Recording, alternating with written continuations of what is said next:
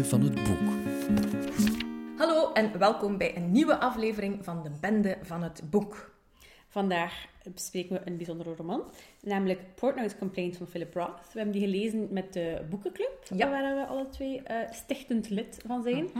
En vandaag hebben we ook een live publiek eh, van twee eh, mannen die momenteel eigenlijk vooral voetbal kijken. Maar En onze taart opeten. En onze taart opeten. Ja. Maar af en toe kan er dus wel achtergrondlawaai zijn in de vorm van gejuich of gevloek op de ref. Ja. Ehm, en misschien kunnen we ook vermelden welke taart ze eten, aangezien ze niet echt interactie aangaan met deze podcast. Ah, dank u. Heel lekker. Oké, goed. Chocolade. Ja, het is... Ja, inderdaad. Dat zijn de... Mandel. Ja, inderdaad. Dat zijn allemaal ingrediënten. Maar ze is wel vegan en glutenvrij. En we drinken ook thee, zoals gewoonlijk. Mag ik nog een beetje thee, Sarah? Absoluut. Voilà. Inspiratie. Dus we hebben deze gelezen met de boekenclub. Sarah, en ik denk dat jij de, eh, de voorstander was van Ja. het boek. Ehm, ik heb het voorgesteld omdat het eigenlijk opnieuw is uitgebracht door de Bezige Bij.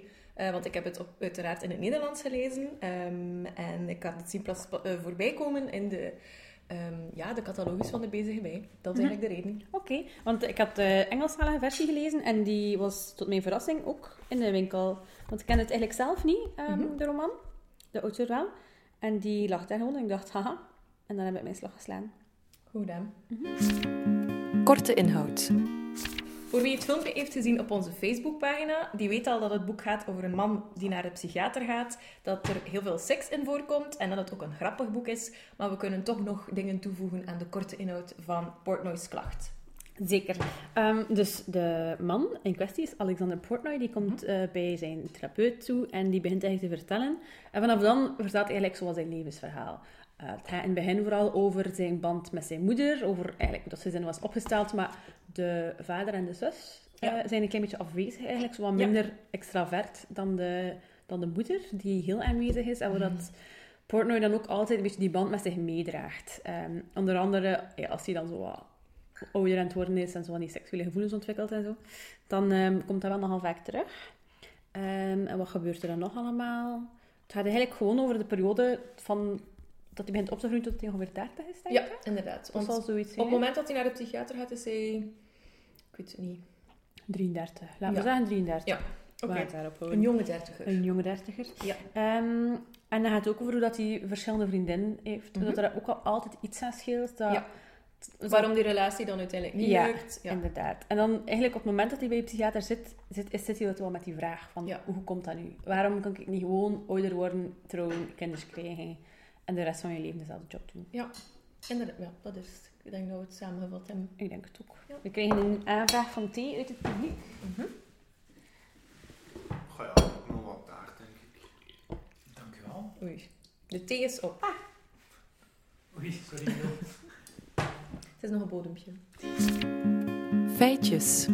Tracy zei dat je Philip Roth al kende. Ik denk dat er nog wel luisteraars zijn die zijn naam al eens horen vallen hebben. Want het is toch wel een gerenommeerd auteur. hè? Ja, ik denk dat Philip Roth misschien wel een van de belangrijkste nog levende eh, auteurs is, momenteel. Hij wordt dan ook iedere keer ehm, bij de uitreiking van de Nobelprijs dit jaar is Philip Roth, dit jaar is Philip Roth. En eerlijk, ik denk niet dat Philip Roth gaat worden, omdat iedereen dat gewoon te grappig vindt Ja. dat hij hem nooit wint. Ehm, maar, dus inderdaad wel eh, bekend. Hij heeft de Pulitzer Prize gewonnen voor American Pastoral, wat ik ook een heel mooi boek vond. Dat is eigenlijk het enige dat ik al had gelezen van hem tot nu. Ehm, Philip Roth is dus een Joods-Amerikaan. Die heeft eh, ja, heel wat bijeengeschreven. Hij is nu een aantal jaar op pensioen. Wat al wel grappig is. Hij is gewoon, want hij was eigenlijk fulltime schrijver. En op een bepaald moment heeft hij gezegd, kijk, vanaf nu gaat het niet meer de moeite zijn wat ik doe, dus ik stop ermee. Zoals over laatst ook eh, in de morgen, denk ik, een interview met hem over wat hij nu doet met zijn leven. Hij leest veel. en eh, ja, ik vond dat wel grappig. Omdat hij echt zo op een bepaald moment gewoon Het gestopt heeft. vond het voldoende. Ik denk Mm. ook wel dat hij zijn bijdrage geleverd heeft. Ja, en hij zal misschien ook al genoeg centjes verdiend hebben. Dat denk ik ook wel. We hebben de Wikipedia-pagina openstaan en ik moet wel zeggen, toen ik het boek las, had ik eigenlijk zo het beeld van Alexander Portnoy, komt wel een beetje overeen met hoe dat Philip Roth eruit zag in zijn jongere jaren. Ja, wel één. Ik denk dat ze van dezelfde periode zijn. Dus Philip Mhm. Roth is geboren begin jaren 30, Alexander Portnoy ook. Wat dat eigenlijk, als je de roman leest, totaal niet zo aanvoelt. Nee, Het heel erg aan. ja, ja, ja. Maar ehm, dus ze zijn alle twee een beetje in dezelfde periode opgegroeid. Eh, Philip Roth is ook een Jood, een tweede generatie ehm, Jood. Dus ik denk dat dat Want dat is ook wel belangrijk in, Ja, in het boek. Hè? Ehm, gewoon het feit dat zij uit, allebei uit een Joods gezin komen. Ja, Ehm, alle rituelen. de rituelen die alle- erbij horen. Ook zo ja. de, een soort van angst die altijd in die ouders zit, dat er iets gaat misgaan. Ja. Zeker, je groeit ook op tijdens de Tweede Wereldoorlog, dus dat komt ook wel af en toe een keer aan bod. Ja. Mm, En ook wel een keer interessant om te weten hoe dat ze dat in Amerika er, allee, ja, inderdaad. Mhm. Ervaarden? Ja. Ervaarden, ja, Ja. dat kunnen we wel zeggen. Ja. En op het einde van het boek komt hij ook nog eh, in Israël terecht. Dus, dus ja, dat zit daar zeker wel in, die cultuur. Dus in die zin is dat wel belangrijk. En dat komt in, in veel van die boeken terug. Eigenlijk die Joodse identiteit en dan ook die Amerikaanse geschiedenis. Dus in Mhm. American Pastoral gaat het dan weer daar vooral op in. Dat is ook ja, een heel mooi boek. Zeker aan te raden. Ehm, dus zoals ik al zei, Pronouns Complete ken ik niet. Ik denk dat ehm, Roth vooral bekend is geworden met zijn boeken rond het Amerikaanse thema. Dus American Pastoral en eh, The Plot Against America. Wat Ja. dat ook bij heel de Trump-verkiezingen en zo wel weer populair Ja. is geworden. Ik denk dat die vooral bekend zijn. En dat dat, omdat dat minder dat grote, alomvattende Great American Novel thema heeft, iets naar de achtergrond is verdwenen. Maar het is wel hetgeen waar hij initieel beroemd mee is geworden. Omdat dat wel nogal controversieel was. Ik kan erin komen dat zij in Amerika niet altijd Ja, evident en was. zeker in 1969, want dat is, toen is dat boek gepubliceerd. Terwijl toen ik het las, dat kon evengoed eind jaren 90 of twee jaar geleden of zo gepubliceerd Ja, zijn. is- het voelt echt heel modern. Dieper graven. Het is eigenlijk wel vergeleken met zijn andere boek dat ik van hem gelezen heb, vrij luchtig, vond ik. Dus de thema's zijn zo, ja, opgroeien, ja, iedereen doet dat, dus je kunt er wel een klein beetje mee vergelijken. Dan die seks die daar ook bij komt, dat is ook wel nog iets om over na te denken. En dan die band met zijn moeder is ook heel interessant. Maar wat ik het leukst vond aan de roman, is dat het eigenlijk al vaak grappig is. Ja. En ook wel soms een beetje donkere humor. Mhm. Eh, en die humor betrekt zich ook vaak op de relatie met die moeder en met dat Jood zijn, denk ik. Mhm. Want bijvoorbeeld op een bepaald moment beschrijft hij hoe dat... dus hij heeft het vaak over alle druk die op de schouders van, van de jonge mensen wordt gelegd om het zo goed mogelijk te doen. Maar ook vooral in de voetstappen van de ouders te trainen. Dus Mhm. allemaal op dezelfde manier te doen, niet te veel eruit te springen. En eh, op een bepaald moment schrijft hij ehm, over een leeftijdsgenoot van hem die ehm, zelfmoord heeft gepleegd. Omdat hij het gewoon allemaal niet meer aankon. En dan zegt hij, dat beschrijft hij dat als... My favorite detail from the Ronald Nimkin suicide. En dan begint hij zo'n heel verhaal te vertellen over hoe dat hij... ehm, dus één, waarom dat die gast er zo door zat, die al die druk. En dan is zijn favoriete stuk van die suicide is dan het feit dat die, ehm, dat die kerel een briefje had gelegd voor zijn moeder. Ik ga het voorlezen als ik het terugvind. Ik zal het wel terugvinden. Ah ja. Mrs. Blumenthal called. Please bring your mahjong rules to the game tonight, Ronald. Dat was zijn laatste brief van zijn moeder. En dat is triest, maar dat is ook hilarisch hè, als je Mhm. dat zo leest. En dan zegt hij, now, how's that for good to the last drop? Dat is like zo'n bam, out with a bang. Mhm.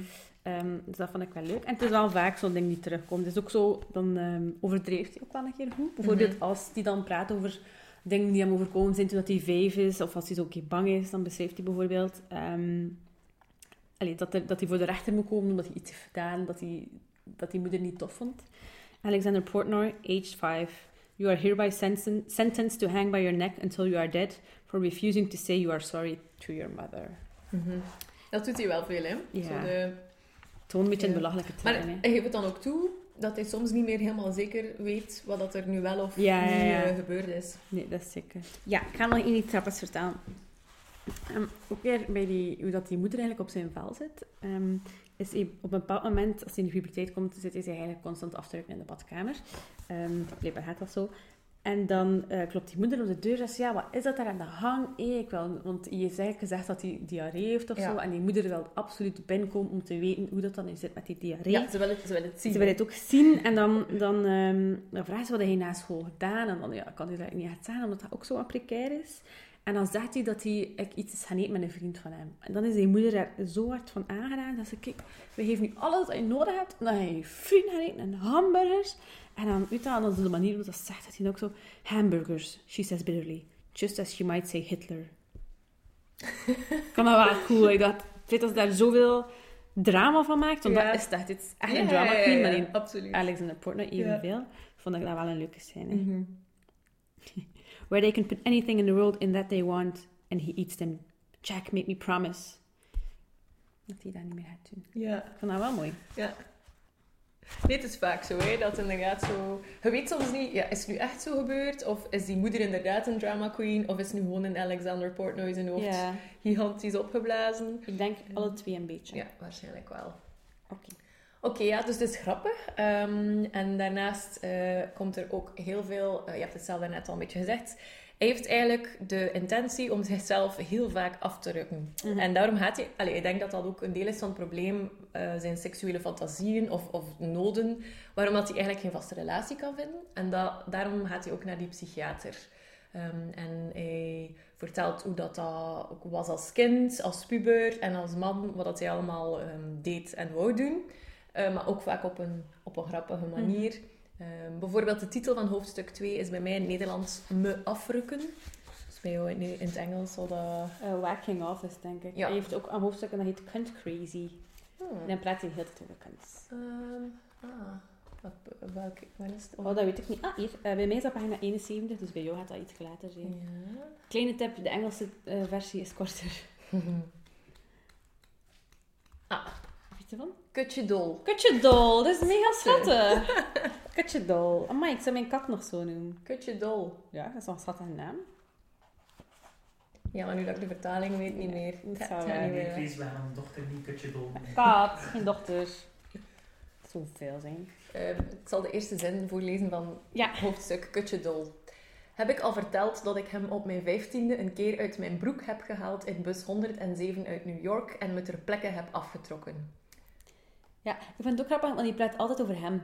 Het is echt zo Ja, een tweede Een personage. verlengde, eh, of, oh ja, ja, inderdaad, ja. twee personage meer. Ja, het is waar. Zijn piemel is ehm ja, want heeft hij dan ook niet onder controle en die doet dan niet wat hij wil en zo. Ja. Dus, eh, Ja. Oké, dus dat is een zeer belangrijk aspect in het boek.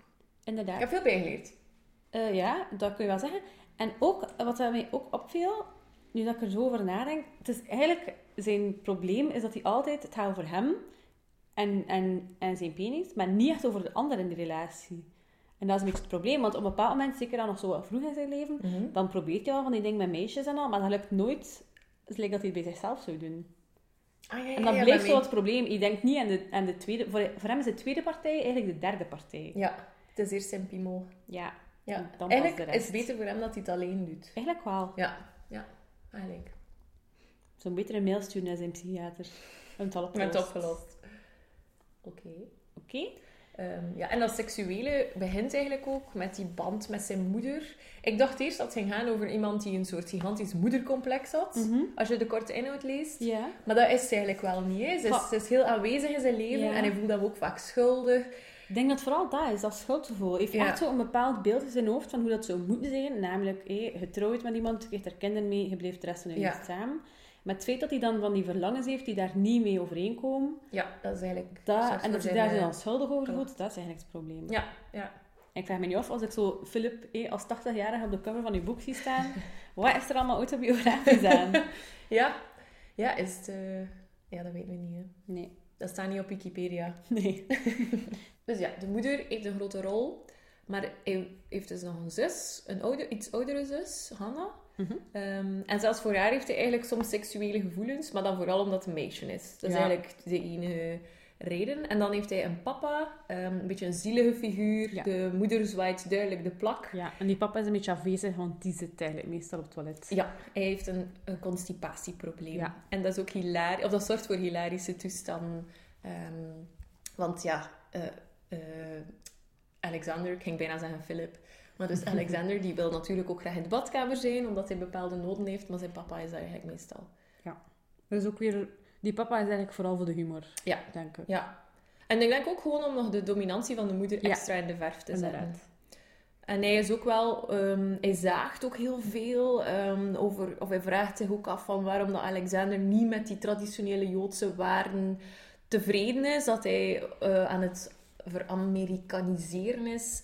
Daar hebben ze ook wel discussies Mhm. over, want hij is dan als eh, puber, ehm, als ik het mij goed herinner, heeft hij dan zo half en half iets met een, een blond Amerikaans Ja. meisje. En zijn neef heeft ook iets met... een dat is misschien zijn neef? Zijn neef iets met een blond Amerikaans meisje. en En dan die pa... Die, die vader heeft dat dan gesaboteerd. Want ja, Ja. dat kan toch wel echt Ja. niet zijn. Dan heeft hij haar geen geld gegeven Nee, hij heeft gedaan alsof dat zijn zoon een soort van medisch Ah, probleem had. Dus om van die blonde af te geraken. Ja. En Dus het is inderdaad wel eh, iets dat speelt. En het ding is ook, eh, Alexander schaamt hem eigenlijk ook voor zijn vader. Waardoor dat hij natuurlijk weer nog zo'n moeilijke relatie krijgt, want zijn vader is zo wat dat Joodse voor hem. Mhm. En af en toe doet zijn vader dan zoiets en vertelt Alexander van, oh nee, oh, pa, stop het. Allee, je voelt zo die schaamte, Mhm. ook wel omdat dat een puber is waarschijnlijk. Mhm. Maar ook omdat hij dat, dat Jot-erfgoed zo eigenlijk niet wil. Dus ehm, eigenlijk met allebei de ouders wel een beetje een moeilijke relatie. Ja. Om verschillende redenen. Ja, het lijkt mij nu echt niet echt een gemakkelijk gezin ook. Voor niemand niet. Want Hanna loopt wel mooi binnen de Mhm. traditionele lijntjes. En, maar die is ook gewoon heel snel getrouwd en het huis uit. Dus dan heeft Alexander er ook niet echt een band mee. Nee. Hmm. Dus het past wel als omkadering van zijn klacht. Ja. Ah, en dan hebben we eigenlijk nog het laatste belangrijke personage die de roman eh, allee, vooral aan bod komt in de, het deel van zijn leven tussen de 20 en de 30, Mhm. denk ik. En dat is de monkey. Eh, ja, de aap is dat waarschijnlijk in Nederlands, denk ik. Eh, ja, ja, letterlijk gewoon de, De aap. aap. En zij toont eigenlijk echt... Allee, zij is een soort van samenvatting van al zijn aardse seksuele verlangens. Ja. Want eh, ook belangrijk om te vermelden, eigenlijk, hij is eigenlijk heel slim. mhm. Je Ja, wordt die af en toe hoogfunctie, hoog, ja, Ja, hoogfunctie wordt af en toe hoogbehaafd genoemd, dus die is wel intellectueel heel sterk. Ja. En de monkey is, dat ik totaal niet. Als, je- Ja, lacht er ook een zo'n beetje mee dat ze zo niet zo ja. kan schrijven en Ja, ja, Ze ja. komt ook zo uit armere zuiden. ja. Inderdaad, een fotomodel, maar ze is ook, ja, ze zijn eigenlijk elkaar zo wel wat waard als het over seksuele verlangens gaat. Ze zijn daar- gaan daar ook altijd zo wel wat ver in. En dat is ook heel belangrijk voor hen. Maar constant voelt hij een Alexander Portnoy dan ik een beetje schaamte daarover. Ja. Want hij denkt van, ja, één, heeft daar eigenlijk gewoon op straat ook aangesproken, dus er is niet echt zo'n romantisch verhaal achter. Die- Intellectueel zijn ze elkaar totaal... Allee, is hij eigenlijk niet echt allee, waard. Mhm. Dat klinkt heel gemeen, Nee, ze maar... zit niet op hetzelfde niveau. Nee, en dan interesseert dat ook niet. Nee. Het, allee, het is niet dat haar ambitie is of zo om, Mhm. eh, om daar ver in te gaan. En die, eigenlijk zou hij haar liever kwijt dan rijk zijn, maar ik kan er ook geen afscheid van nemen. Mhm. Dus ja. Maar toch, dan heeft, heeft hij dan wel iets na een tijdje van... In het begin is alles goed, Mhm. ehm, maar na een tijdje heeft hij wel iets van... "Ha, maar je kan daar... Hij, hij doet dat ook zijn best om er echt een relatie mee te hebben. Maar dan beseft hij wel van... Maar ik wil daar echt niet mee samenleven of laat staan een kind mee krijgen. En uiteindelijk, na een aantal jaren, want dat duurt wel, ik denk zo twee, drie jaar Ja, of ik zo, denk ik toch jaar. wel. En, eh, maar uiteindelijk komen ze dan wel op een punt waar, zij, waar ze plots toch iets verschillend wil. Ja, zij wil echt huisje, tuintje, Ja, plots beseft ze. Ja, En dan raakt hij wel in een paniek. ja. En dan, dat is eigenlijk, ik denk dat hij op dat moment dan eigenlijk begint te praten met die psychiater. En dan komt dat zo allemaal wat, wat boven. ja. Dus dat, dat, vat, allee, dat is echt zo het strikje dat allemaal De samen verbinding. Ja. En dan op het einde van het boek, dat vond ik soms een beetje jammer. Dus van de aap kreeg je wel gedetailleerd, veel details. Weet je Ja. ook hoe dat die relatie zat. Maar dan kreeg je zo nog op het einde komt er nog een meloentje bij bij ons. Ik Ja. wat dat in het Engels. De pumpkin. De pumpkin. En eh, dan wordt die relatie zo heel kort vermeld. Dus dat was een meisje dat hij kende als hij studeerde. Ja. Dat was een intelligent meisje, niet zo knap, maar wel zo een, een goed mama-materiaal. Ja. Ik denk dat dat er ergens letterlijk in staat. En dan begint hij zo wat, ja, melancholisch te Ja, worden. ook wel echt een slimme en ook zo'n beetje Ja. revolutionair. Dus Ja. het was niet dat er daar niets in zat of zo. Ehm, Maar ze was niet knap genoeg. nee, dat was niet knap genoeg. En op een bepaald moment was ook niet joods genoeg, kwam op een bepaald moment uit. Dus je kreeg wel zo'n geschiedenis van de, van de vrouwen die wel enigszins een, een rol hebben gespeeld. En ik blik daar ook op een bepaald moment op terug van, maar ja, misschien dat ik toch met haar iets Mhm. moet beginnen. Ehm, maar ja, dat is... eh, nee. Het weet was niet uitdagend genoeg. Nee, het was niet uitdagend Ja. genoeg. En daarom eh, belandt hij uiteindelijk eh, op de zetel van de Ja. therapeut. Op de bank. Yep. En daar begint hij aan zijn klacht. Ja, Want dat doet hij wel echt. Ja, wel het is een- echt een dikke een-. Eigenlijk is het echt een monoloog. ja, ja, En daarin zaagt hij wel wat. ja. Ik vond dat persoonlijk, ik had, daar niet zoveel, ik had er zelf nog niet zo hard op gelet, totdat hij het zei. En toen dacht ik, Mhm. ah, inderdaad, porno's klacht. dus wel iets van aan. Maar kan me, een keer dat je het merkt, ja, gaat het wel natuurlijk Ja. niet meer weg. Mhm, dat is waar. Dat is, ik heb terwijl nog een ander boek gelezen en ik vond dat wel goed. Dat je het niet zo in één keer constant Mhm. die klachten... Want anders gaat het vervelen na een tijdje. Ja. Vond ik. Ehm, ik had er niet zoveel last van, maar pff, ja, ik denk dat ik daar nog redelijk tolerant voor ben. Voor klagen. Misschien klaag ik zelf veel. En merk ik dat daarom niet op. Finale oordeel. En dat brengt ons naadloos bij ons finale oordeel. Ah, ja, ja. Ons live publiek is ook Ja, enthousiast dat we bij het finale oordeel zijn aangekomen. Eh, Sarah heeft al een klein beetje aangehaald dat het nogal klagerig was soms. En heeft dat voor u de roman echt helemaal... Allee, de leeservaring zo wat kapot gemaakt? Nee, absoluut niet. Ehm, ja, zoals ik al zei, het blijft een grappig boek. Ehm, het, is een, het is een interessant verhaal ook wel. Eh, de thematiek van opgroeien, de band met uw ouders, eh, enzovoort. Eh, maar soms ja, vond ik het een beetje veel. En ben ik misschien vroeger gestopt dan dat ik met een andere boek zou stoppen. Heb je het al stoppen-? Ja, Ah, ja, ja, gewoon even bedoel stoppen met van- lezen. Ja, nee, Ja. zo. Ik, ga iets, ik ga iets anders doen. Ja, oké. Dat wel. Maar voor de rest eh, vind ik het zeker een aanrader. En op zich is het ook origineel dat het een keer echt een, een monoloog is. Mhm. Dus moest je dit in een theaterversie brengen, in zo'n klein theaterke in New York of zo, gaat er zeker volk op afkomen. Een klein groezelig theater Ja, in. New York. Ja, dat is een zaal dat ik niet ga binnen gaan denken. Ehm, maar ik vond het ook wel echt een mooi boek. Mhm. Eh, ik vond het grappig. Het las, het las echt al snel. Ik Ja, denk dat ik het in zeker. zes dagen of zo heb Ja. uitgelezen. Het is ook niet zo dik, hè? Nee, maar ik vind wel, als je denkt van, ik wil echt iets lezen van Philip Roth, weet ik niet of je per se dit moet lezen. Hm. En het is wel, het is heel specifiek. Het is niet per se dat dat allee, een, een voorbeeld is van zijn stijl of zo. Dus ook ik toch nog zeggen, ga een American Pastoral gaan lezen Ja. of zo. Maar als je zegt van, amai, ik kan nog een keer graag iets grappigs lezen, ehm, maar zo af en toe, eh, eh, zo wat rare scènes in. Ik zou zeggen, haat er vooral voor. Geniet ervan. Maar doe het misschien zo niet cadeau aan je schoonvader Nee. voor kerstmis. Nee, dat zou awkward zijn. Dat is zo raar zijn. Ja, nee. Ik zou het misschien zelfs aan niemand cadeau doen. Ja, ik zou het inderdaad... Misschien Ja. moeten we daar de lijn trekken. Het is mooi, maar geef het aan niemand cadeau. Het is echt een privé cadeau. Ja, Oké. nu klinkt het ook wel een beetje Dat dubbel. klinkt een beetje dubbel. Ja. Maar kijk, ja, we laten het daarbij. Ja, Oké. Voilà. Dus dat was het eigenlijk voor deze week. Ehm dankjewel aan ons live publiek, Miel en Jasper, die er eigenlijk met heel veel plezier bij waren. merci, gasten. Merci. Ehm, Sarah, wat ben je momenteel aan het lezen? Ehm, ik ben non-fictie aan het lezen. Oh, Ja, sorry Trace. Eh, maar sinds ons boek eh, vorig jaar... Mhm. is het- Heb je de smaak te pakken eigenlijk? Ja, Ja. eigenlijk wel. En het is How to Create a, Vegan World van Tobias Leenaert. Ja. en wij intussen maar vegan taart eten en al. Ja, hey, ben wel goed bezig. Is het heel goed Ah, bezig. Dank u. Ehm, ik heb eigenlijk een paar boeken gelezen de laatste tijd. Eh, ik heb nu net I Am Legend uit van Richard Matheson. Dat zei Ehm, Tom. ja, zoals in de vorige podcast te horen. Mhm. En nu ben ik gewoon een klein beetje aan het bladeren in eh The Architecture of Happiness van Alain de Botton. ja. onze favoriete Alain. Heeft niet zoveel Alain dat ik ken Nee, eigenlijk. nee. Ik ken nog één andere. Hmm, ik geen, denk ik. Ja. Dus dat doet er eigenlijk heel weinig toe. Dus Mhm. dan eh, sluiten we hier af. Dan Ja. kunnen we onze mensen nog een keer bedanken. Nee, dus ja, Jasper, nog een keer bedankt. Ja, nu kunnen we je ook heel live bedanken. Ja, ik kan u live bedanken, nu zijn je daarbij. Ja, En dan ook ehm, Michiel en Jofra Ja. voor geleverde diensten. niet live. Niet live, helaas. Ook altijd welkom, jongens. Tot de volgende keer.